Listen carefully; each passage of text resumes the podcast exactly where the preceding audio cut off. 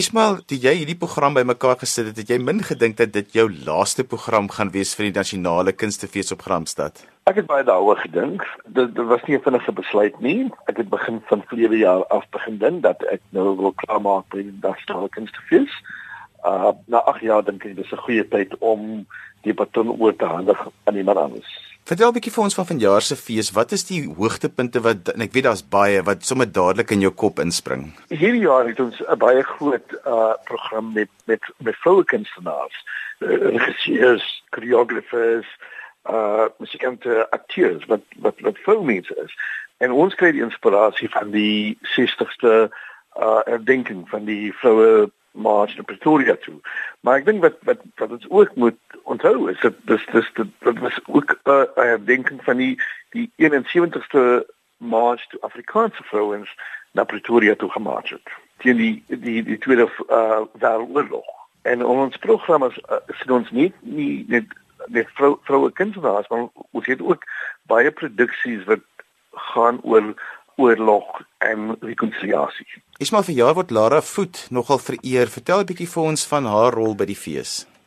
Lara Voet is van ons beste kunstenaars, vroue kunstenaars in in Suid-Afrika. Uh dis 20 jaar toe Lara Voet die eerste die die die Stellenbosch Young Artist toekenning gekry. En na 20 jaar is dit 'n goeie tyd om terug te kyk. Waar was sy? Waar is sy nou?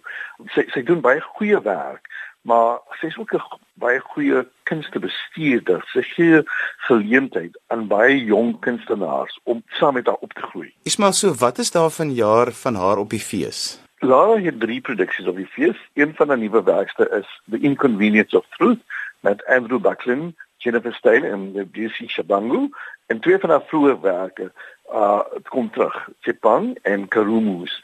Al twee was baie goeie suksesse. Dis maar kom ons praat 'n bietjie oor die ander toneelproduksies um, wat julle op die hooffees het. Die ander produksies is uh, Jenny Young se Firebird. Ek dink dit gaan 'n baie interessante werk wees.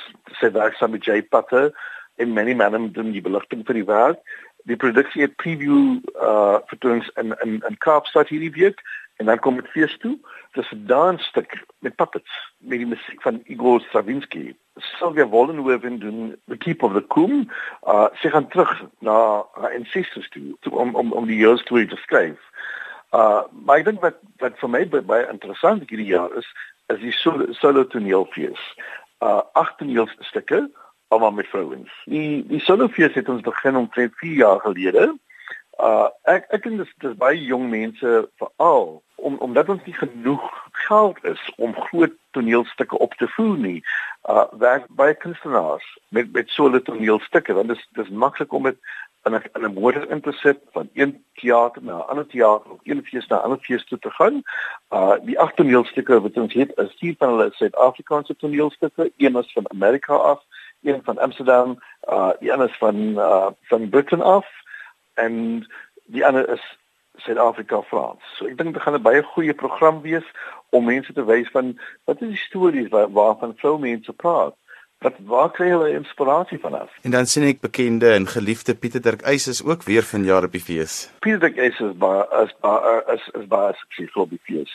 Uh Pieter Pieter Dirk Eis het sy loopbaan op begin op ons Vriendfees en en elke jaar as hy terugkom ons weet dit gaan 'n sell-out opvoering wees. Ek sien dat ehm um, wat ook baie bekend is in ons RSG luisteraars is Chris Chameleon en hy's ook vanjaar daar. Chris Chameleon was ek dink dis die derde keer uh in in die afgelope 8 jaar dat Chris Chameleon terug is.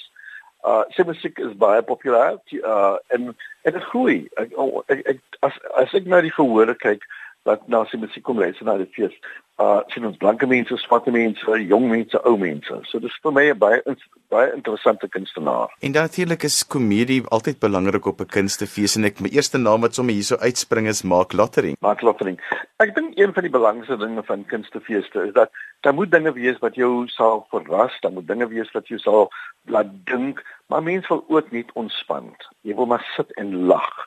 En ek dink die comedy acts wat ons het hierdie jaar is deur baie goeie kunstenaars, maar Mark Lottering, Tim Plumen, Rob van Vieren, al al die pop die populêre mense terug.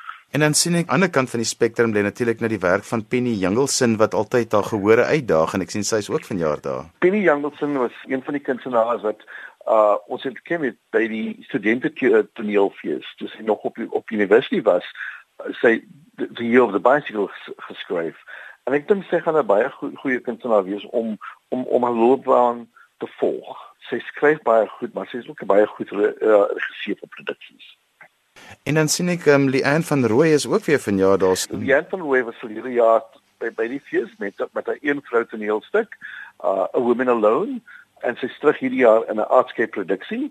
Uh ek ek dink sy's ook 'n uh, interessante kunstenaar. Sy werk baie met met toneel one one person stukke uh op op feeste en en haar stories is altyd baie baie interessant. Dit vertel uh van van dark side of life gegee. Uh, uh but wat is waar ons uh maklik praat nie. En op die visuele kunsfront, wat kan ons daar verwag? Op die visuele kunsfront, Mohammed is king, as ons hier stel by young artists hierdie jaar. Uh Larato Shadi kom terug van die van van oorsee af om om haar kunstwerk op te stel. Die Bad Factory het vyf jong kunstenaars van die Rheinhold Kassiere uh toekenning en en dan is die as ek dink so omtrent 40 visuele kuns exhibitions op die op die fringe. So wat is vanjaar nuut wat julle vir die eerste keer probeer en wat julle so half in julle wat julle so bietjie effens sien gespanne oor is of dit gaan werk of nie. Die die fringe cafe hierdie jaar is 'n nuwe ding.